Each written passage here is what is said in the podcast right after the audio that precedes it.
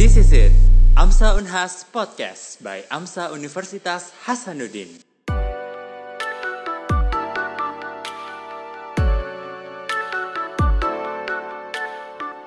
Hello people of tomorrow, welcome back to AMSA Unhas Podcast.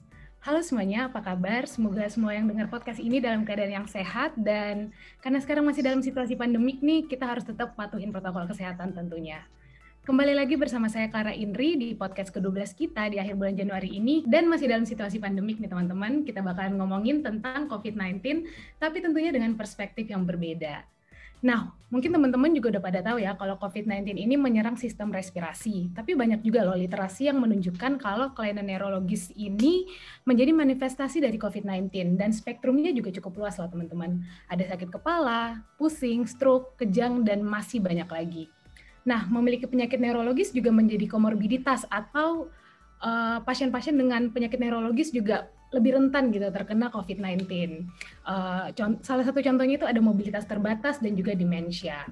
Nah, uh, selain itu, COVID-19 kan kita tahu nih ada gejala-gejala khas yang merujuk ke COVID-19. Kalau di bidang neurologi sendiri itu ada hiposmia atau menurunnya daya penghidu dan juga hipogesia atau menurunnya daya pengecap. Jadi mungkin teman-teman yang biasanya makan bakso enak banget nih terus tiba-tiba nggak ada rasanya, ya probable mungkin bisa COVID-19. Nggak semuanya sih, cuman antisipasi itu kan lebih baik. Nah, maka dari itu, podcast Q12 kita kali ini bakalan bawain tema A Neurological Perspective on COVID-19 Pandemic. Nah, karena kita melihat tantangan yang besar banget di depan kita dan masih banyak banget tanda tanya di masyarakat, teman-teman juga masih banyak yang nanya tentang manifestasi kelainan neurologis yang berhubungan dengan COVID-19 ini, telah hadir bersama kita Dr. Raisa Alfatir Heri. Halo dok, apa kabar?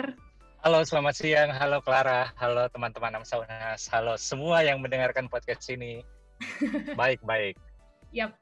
Jadi Dr. Raisa ini adalah a medical doctor and also a social worker. Dan bentar lagi uh, soon to be neurologis ya dok, one step closer. Sebenarnya yes, I mean. lagi kayaknya lebih lebih dekat dari itu lagi ya dok ya, karena emang udah yeah tinggal dikit banget ya dok ya. Beberapa langkah lagi, dikit lagi. uh, amin. Ya. Oke dok, mau nanya-nanya dikit dong ke dokter Reza. Uh, selama pandemi ini dokter Reza kesibukannya apa sih? Oke, selama pandemi sebagai mahasiswa, mahasiswa program spesialis, tetap menjalankan tugas ke rumah sakit tetap kadang-kadang cuma memang aktivitas rumah sakit itu dibatasi jadi yang dulunya kita masuk tiap hari tapi sekarang uh, yang residen, yang program PPDS itu masuknya per jadwal. Ada yang masuk dua kali sehari, ada yang masuk tiga kali sehari, eh, sesuai kebutuhan. Jadi memang karena kita lihat bahwa tenaga kesehatan di rumah sakit itu merupakan stakeholder yang paling rentan terpapar COVID-19, jadinya durasi paparan, durasi kerja di rumah sakit, dan juga waktu kerja semuanya dibatasi, kayak gitu. Oke dok ya, berarti dibatasin semua ya gara-gara pandemik ini dok ya? Hmm, hmm. Oke. Uh, eh, saya juga salah satu followers dokter nih di Instagram dan saya juga ngikutin post-post dokter dan I'm very interested sama post-postan dokter kalau misalnya lagi nge-snapgram snapgram uh, anak-anak jalanan itu dok kayak seru banget gitu dok. jadi pengen uh, keren keren keren dok. Ya kan kan nggak harus jadi part. Iya gimana? Nggak harus jadi part community itu untuk melakukan sesuatu kan. Iya benar Maksudnya tidak harus jadi part community itu untuk melakukan sesuatu di sekeliling juga banyak kan yang bisa dilakukan. Oke okay, oke. Okay. Uh, start from the very little thing. Pandemik ini lanjut enggak, lanjut gimana? Pandemik ini enggak uh, ngalangin kita ya untuk harus selalu berbuat kebaikan ya dok ya. Iya betul. Uh. Oke, okay. sebenarnya kita pengen tahu nih, pengen tahu lebih dalam tentang dokter Raisa, cuman karena waktu yang terbatas dan pertanyaannya udah beruntun banget nih ke bawah dok. Mungkin kita langsung aja kali ya masuk ke pertanyaan pertama dok. Yes, yes, yes, yes. nah dok, ya. pertanyaan pertama nih dok. Uh, kita tahu kalau COVID-19 ini menyerang sistem respirasi, dok. Tapi gimana sih uh, eh, COVID-19 ini bisa bermanifestasi sampai ke otak dan juga bidang neurologis lainnya? Uh, gimana sih sebenarnya neuroinvasionnya, dok? Oke, okay, pertanyaan yang sangat bagus karena memang dari awal yang kita tahu COVID-19 itu gejalanya pasti batuk atau enggak demam, batuknya pun batuk kering. Jadi memang mindsetnya orang COVID-19 ya pasti something related with respiratory tract. Tapi uh, sebenarnya kita harus lihat dulu patomekanismenya gimana. Jadi ketika virus COVID-19 ini masuk, dia bakalan ditangkap oleh reseptor ACE2. Nah, reseptor ya. ACE2 ini Meskipun dia ada di traktus respirasi, dia tidak eksklusif hanya ada di traktus respirasi. Dia ada di seluruh organ, bukan cuma paru-paru, dia juga ada di otak, ada di hati, ada di ginjal, ada di saluran cerna. Cuman memang secara jumlah, reseptor ini paling banyak di traktus respirasi. Not to mention, uh, port entry-nya, tempat masuknya virus ini adalah mulut dan hidung. Jadi memang yang paling pertama reseptor yang bakalan tangkap adalah reseptor terutama di daerah nasofaring dan orofaring. Jadi this is the reason why kenapa swab juga itu dilakukan di nasofaring dan orofaring. Jadi memang kebanyakan bakal ditangkap di, res, di reseptor itu. Nah, selain itu bagaimana dia bisa memberikan manifestasi neurologi? Secara teori ada banyak banyak pendapat karena memang kasusnya masih baru, jadi masih kurang sumber jadi kebanyakan masih pendapat ahli dan beberapa laporan kasus. Jadi yang pertama, bisa saja kenapa manifestasi neurologis? Karena virusnya direct invasion ke saraf-saraf tepi yang kemudian secara retrograd sampai ke sistem saraf sentral. Yang kedua, bisa saja karena respon dari inflamasi sistemik. Jadi ketika terjadi proses inflamasi sistemik di sirkulasi, itu juga bisa mencapai otak dan kemudian dia masuk ke otak melalui blood-brain barrier, sawar darah otak. Kemudian yang ketiga teorinya adalah respon autoimun. Jadi setiap ada infeksi kan itu di beberapa orang bisa memberikan respon autoimun. Jadi itu ada tiga mekanisme kenapa dia bisa memberikan manifestasi neurologi. Kan manifestasi neurologi yang paling banyak ditemukan uh, gangguan pengecapan, gangguan penghidu, sakit kepala, dan juga pusing vertigo. Jadi memang tidak semua orang bakal ditemukan manifestasi seperti ini, tapi di fase-fase awal ini bisa muncul. Jadi manifestasi neurologi yang ringan, seperti gangguan penghidu ataupun gangguan pengecap, itu kebanyakan ditemukan di fase-fase awal COVID-19. Kemudian penyakit-penyakit neurologi yang lebih berat seperti stroke ataupun encephalitis, itu justru ditemukan di fase-fase akhir dari COVID-19. Kayak gitu, Clara. Oke dok, thank you banget nih buat pertanyaan pertamanya. Untuk belakangan ini banyak banget nih dok yang ngomongin tentang badai sitokin. Sebenarnya nah, mm sitokin itu apa sih dok? Nah, kata sitokin dan kata badai, asik badai. Nah, hmm. jadi badai sitokin. Sitokin itu merupakan respon yang selalu tubuh kita lepaskan ketika terjadi inflamasi. Nah, inflamasi itu apa?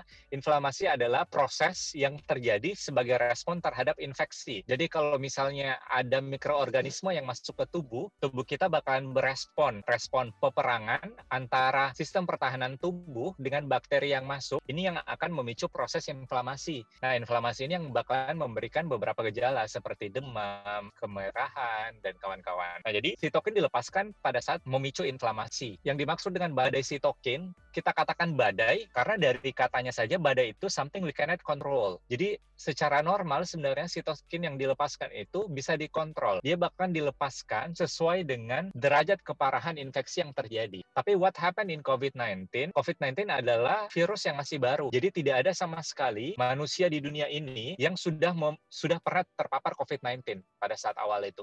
Karena tidak ada paparan awal, jadinya tidak ada sama sekali manusia yang punya antibodi terhadap COVID-19. Tubuh kita tidak punya memori tentang COVID-19. Jadi ketika dia masuk, itu sitokin yang dilepaskan itu langsung dalam jumlah banyak dan tidak terkontrol. Biasanya badai sitokin terjadi pada proses infeksi yang baru, maksudnya baru, belum patogennya adalah patogen baru. Yang kedua, derajat patogennya itu tinggi atau berat. Itu biasanya bakalan memicu terjadinya badai sitokin. Nah, badai sitokin ini yang biasanya berujung pada multiple organ failure dan menjadi penyebab terbanyak kematian pada kasus COVID-19. Nah, badai sitokin ini akan memberikan banyak kegagalan organ seperti kegagalan organ hati, kegagalan organ ginjal, ah, kegagalan pengaruh ke otak dan kawan-kawan. Kemarin kita punya salah satu guru besar dari uh, salah satu departemen yang uh, meninggal karena COVID-19. Penyebabnya itu karena badai sitokin. Jadi pada awalnya itu ketika masuk rumah sakit, dia tidak ada sama sekali gangguan ginjal. Tapi satu minggu dirawat dengan COVID-19,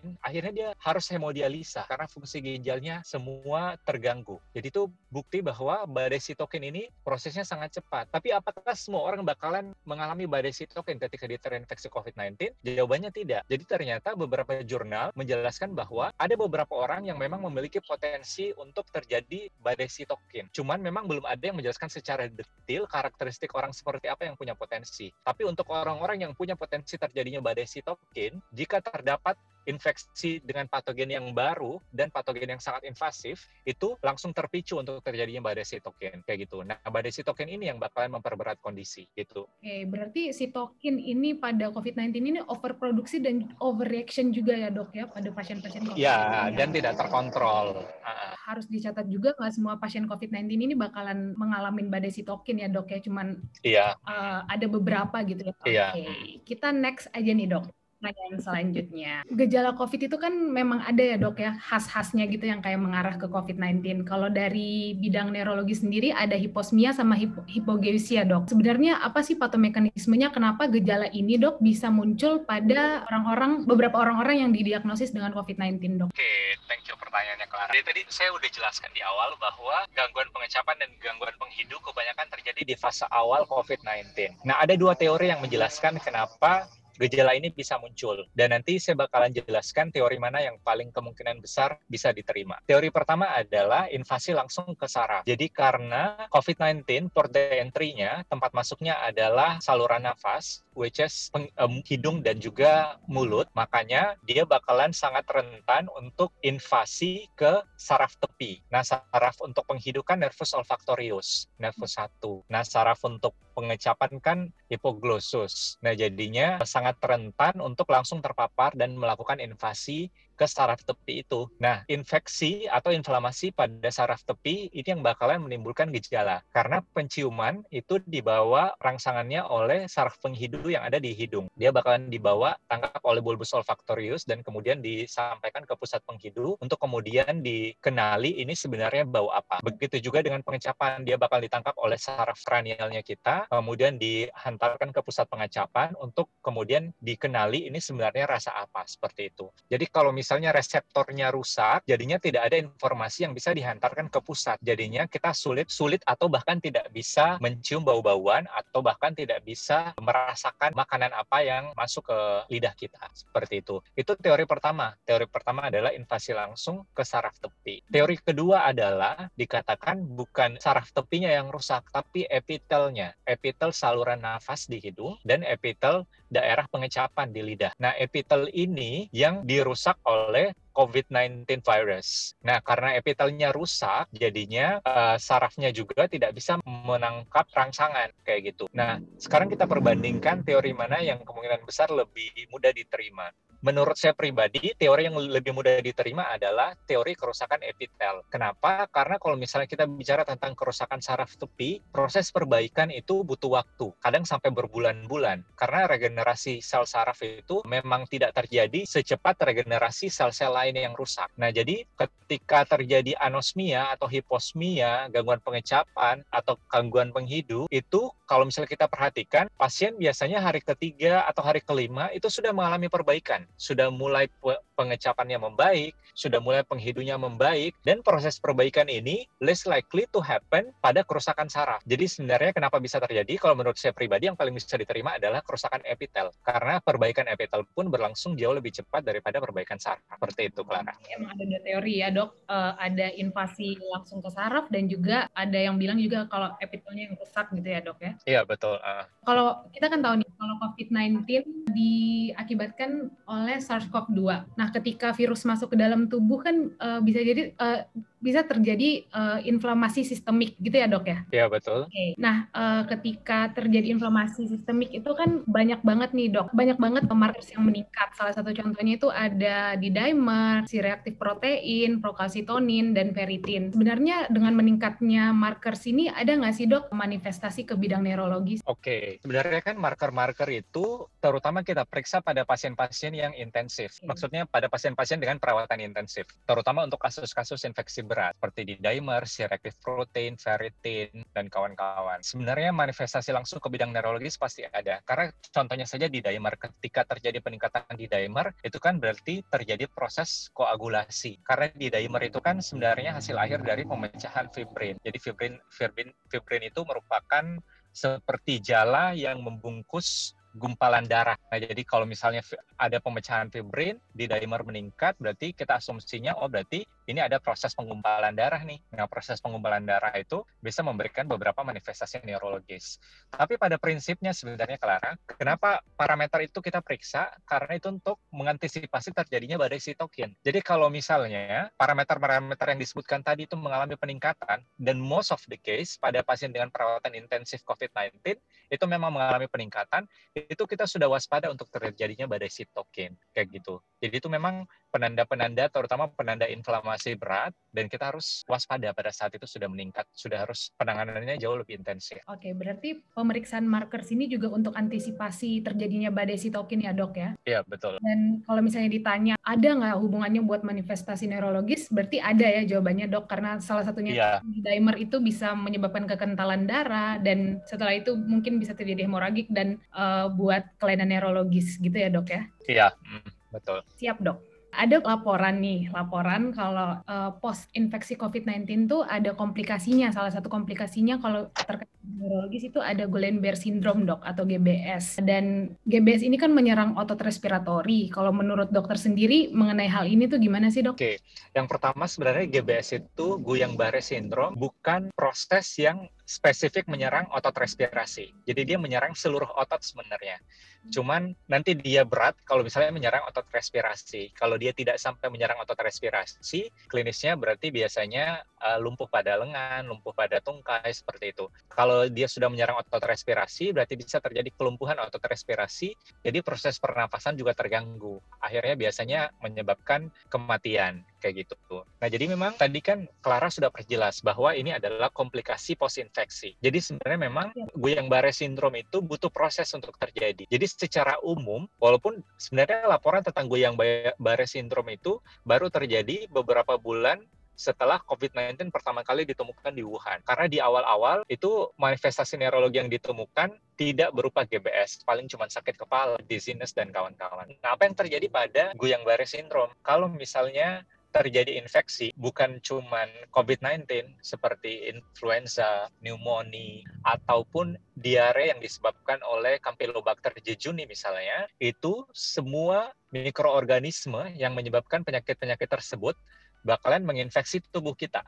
Nah, infeksi itu akan merangsang antibodi yang spesifik terhadap infeksi tersebut. Ketika infeksi sudah selesai, antibodi ini tidak hilang, dia menetap karena kan dia butuh uh, mengantisipasi jika terjadi infeksi yang sama di kemudian hari. Antibodi ini menetap di tubuh kita. Antibodi ini bukan antibodi yang umum. Dia cuma mengenali antigen-antigen yang berasal dari bakteri-bakteri yang pernah terpapar oleh dia. Seperti itu. Surprisingly, pada beberapa kasus infeksi, dinding sel mikroorganismenya, strukturnya menyerupai struktur-struktur uh, mielin di sel saraf. Jadi, antibodi yang masih tersimpan ini mengenali sel saraf kita, mengenali mielin sel saraf kita sebagai mikroorganisme pengganggu. Makanya, antibodi ini menyeranglah mielin itu. Jadi mielin itu fungsinya apa? Mielin itu fungsinya mempercepat rambatan saraf. Jadi ketika mielin rusak, bukan tidak ada rambatan saraf, tapi rambatan saraf jadinya melambat. Makanya semuanya melemah karena butuh waktu lebih lama untuk menghantarkan rambatan saraf sampai ke perifer seperti itu. Nah, belum ada teori pasti yang selama ini saya baca, cuma memang mungkin saya belum baca banyak, tapi belum ada teori pasti yang memastikan apakah proses ini juga terjadi pada COVID-19. Tapi prinsipnya kebanyakan proses uh, eh, GBS itu terjadi seperti itu. Istilahnya adalah mimicking proses. Jadi proses mimicking karena akhirnya antibodi kita mengenali sel normal, sel saraf normal, mielin normal normal sebagai sel yang uh, sebagai mikroorganisme yang bersifat invasif seperti itu. Proses mimicking ini butuh waktu. Dia terjadi kurang lebih dua minggu sampai satu bulan. Makanya kebanyakan pasien dengan GBS, kalau misalnya COVID-19 biasanya nanti post infeksi atau kalau misalnya GBS secara umum misalnya yang disebabkan oleh Campylobacter jejuni, biasanya riwayat diarenya itu bukan satu minggu yang lalu, tapi kurang lebih sekitar satu bulan yang lalu diare, baru satu bulan berikutnya datang dengan klinis kelumpuhan lengan dan tungkai. Tapi memang salah satu yang perlu diwaspadai pada kasus Guillain-Barré syndrome adalah uh, kelumpuhan otot-otot saluran nafas karena itu bisa menyebabkan gagal pernafasan. Makanya pada pasien Guillain-Barré syndrome baik COVID maupun non COVID itu kalau misalnya sudah terjadi tanda-tanda kelumpuhan otot pernafasan itu sudah harus perawatan ICU dan pemasangan uh, ventilator seperti itu. Berarti emang harus diantisipasi ya dok ya untuk supaya iya karena karena GBS yang uh, karena kalau misalnya di kasus Guillain-Barré sindrom dan terjadi kelumpuhan otot nafas, angka mortalitasnya sangat tinggi. Kalau misalnya udah sampai ke otot respirator ini berarti udah bahaya banget gitu ya dok ya untuk pasien-pasien GBS. Iya, karena jadinya kita nggak bisa inspirasi dan ekspirasi secara adekuat gitu. Oke, kan kalau di bidang neurologis untuk penyakit-penyakit neurologis itu banyak yang membutuhkan agen imunosupresif, dok. Salah satu contohnya ada multiple sclerosis, myasthenia gravis, atau mungkin autoimmune encephalitis. Sebenarnya gimana sih dok, how to survive in this pandemic with this condition, dok? Dan gimana sih treatment-treatmentnya untuk pasien-pasien dengan kondisi-kondisi tersebut? Oke, ya ini sebenarnya dilema juga ya, karena kita tahu kalau misalnya infeksi virus itu membutuhkan imunitas yang bagus. Nah, terus gimana kalau pasien-pasien membutuhkan agen-agen imunosupresan seperti kortikosteroid? Ini sebenarnya mirip-mirip pada kasus HIV AIDS misalnya. Bagaimana kalau misalnya pasien dengan HIV yang imunnya sudah turun, tapi kita butuh lagi penggunaan kortikosteroid kalau misalnya dia mengalami beberapa penyakit yang memang membutuhkan. Jadi pada kasus COVID, terutama untuk pasien-pasien yang uh, seperti multiple sclerosis, uh, myasthenia gravis dan kawan-kawan itu memang membutuhkan agen-agen imunosupresan. Tapi beberapa jurnal itu sudah yang sudah dipublikasi itu memperlihatkan bahwa ternyata tidak ada perbedaan luaran klinis yang signifikan antara mereka yang menghentikan penggunaan steroid dengan mereka yang tetap melanjutkan penggunaan steroid. Jadi kalau misalnya memang penyakit dasarnya membutuhkan penggunaan steroid, itu dilanjutkan saja asal tetap konsultasi ke dokter kayak gitu karena saya juga sempat diskusi dengan teman dari bagian paru dari departemen pulmonologi dan berdasarkan pengalaman memang pasien-pasien yang membutuhkan agen imunosupresan pada kasus COVID itu tetap dilanjutkan agen imunosupresannya dan ternyata tidak ada juga perburukan klinis yang terjadi tetap berjalan seperti biasa kayak gitu. Kalau sejauh ini nggak nggak nggak terlalu berpengaruh ya dok ya? Untuk yang Iya, masih dalam tahap aman. COVID-19 ini bermanifestasi ke acute respiratory distress syndrome, dok. Kan ini apa namanya acute respiratory distress syndrome ini bakalan memberikan dampak jangka panjang ke cognitive impairment bahkan mungkin demensia, dok. Menurut dokter sendiri eh, apa sih yang harus dilakukan untuk mengantisipasi dampak ini, dok? Jadi sebenarnya memang salah satu penyebab manifestasi kelainan neurologis ya karena kelainan dari paru itu sendiri. Karena kalau misalnya parunya kita tidak bisa menyerap oksigen dengan maksimal, akhirnya oksigen yang disampaikan ke otak juga jadinya kurang. Padahal dari seluruh organ yang ada di tubuh kita, organ yang paling membutuhkan oksigen adalah otak. Dia menyerap jumlah oksigen yang paling banyak dari total oksigen yang masuk ke dalam tubuh. Jadi, otak itu juga sangat sensitif dengan kekurangan oksigen. Nah, this is the reason why kalau misalnya ada kasus-kasus, misalnya ada perdarahan, ada perdarahan atau misalnya pada kasus anemia, kenapa kita pucat?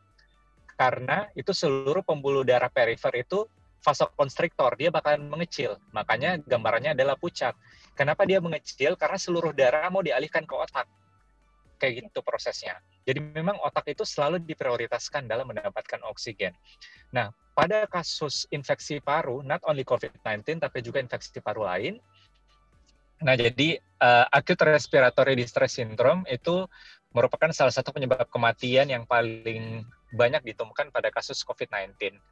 Jadi kegagalan fungsi paru, not only COVID-19, tapi juga pada kasus infeksi paru lain, itu bisa memberikan manifestasi neurologis secara sekunder jadi kalau misalnya parunya bermasalah, otomatis oksigen yang masuk itu kurang. Padahal at the same time, otak merupakan organ yang paling banyak membutuhkan asupan oksigen. Nah ini alasan kenapa misalnya kalau misalnya terjadi perdarahan atau anemia, itu kulitnya kita pucat karena seluruh pembuluh darah perifer jadinya mengecil karena asupan darah itu mau dialokasikan secara utama ke otak seperti itu. Nah, jadi pada beberapa kasus di mana asupan oksigen kurang, seperti kasus gagal jantung ataupun kegagalan fungsi paru, itu asupan oksigen ke otak bakalan kurang dan memberikan manifestasi contohnya adalah cognitive impairment ataupun demensia. Karena sel-sel otak dalam menjalankan fungsinya itu sangat sensitif terhadap kekurangan oksigen, kayak gitu. Nah, uh, pada kasus ARDS, itu kan bisa berujung pada kematian. dan bagaimana caranya kita mencegah supaya ARDS tidak terjadi itu sebenarnya secara protokol itu kita tidak bisa pastikan bagaimana mencegah karena tidak semua pasien juga terjadi ARDS. Tapi beberapa pasien yang berpotensi terjadi ARDS mau tidak mau bakalan terjadi ARDS. Tapi salah satu trik untuk mencegah adalah kita harus rajin mengecek saturasi. Terutama pasien yang sudah positif COVID-19 itu sudah harus cek saturasi. Saturasinya kita kan normalnya di atas 96, 96 ke atas. Kalau misalnya saturasinya sudah mencapai angka 95, itu sudah harus ke dokter mencari pertolongan medis. Atau minimal kalau misalnya memang sudah positif COVID-19, itu sudah harus konsultasi ke dokter apa-apa yang harus dilakukan supaya tidak terjadi ARDS. Karena kalau misalnya sudah terjadi, sudah masuk dalam fase acute respiratory distress syndrome, berarti itu parunya sudah dalam fase tidak bisa menjalankan fungsinya secara maksimal. Not only manifestasi neurologi ke otak, tapi seluruh organ juga bakalan terkena. Makanya bisa berujung pada multiple organ failure.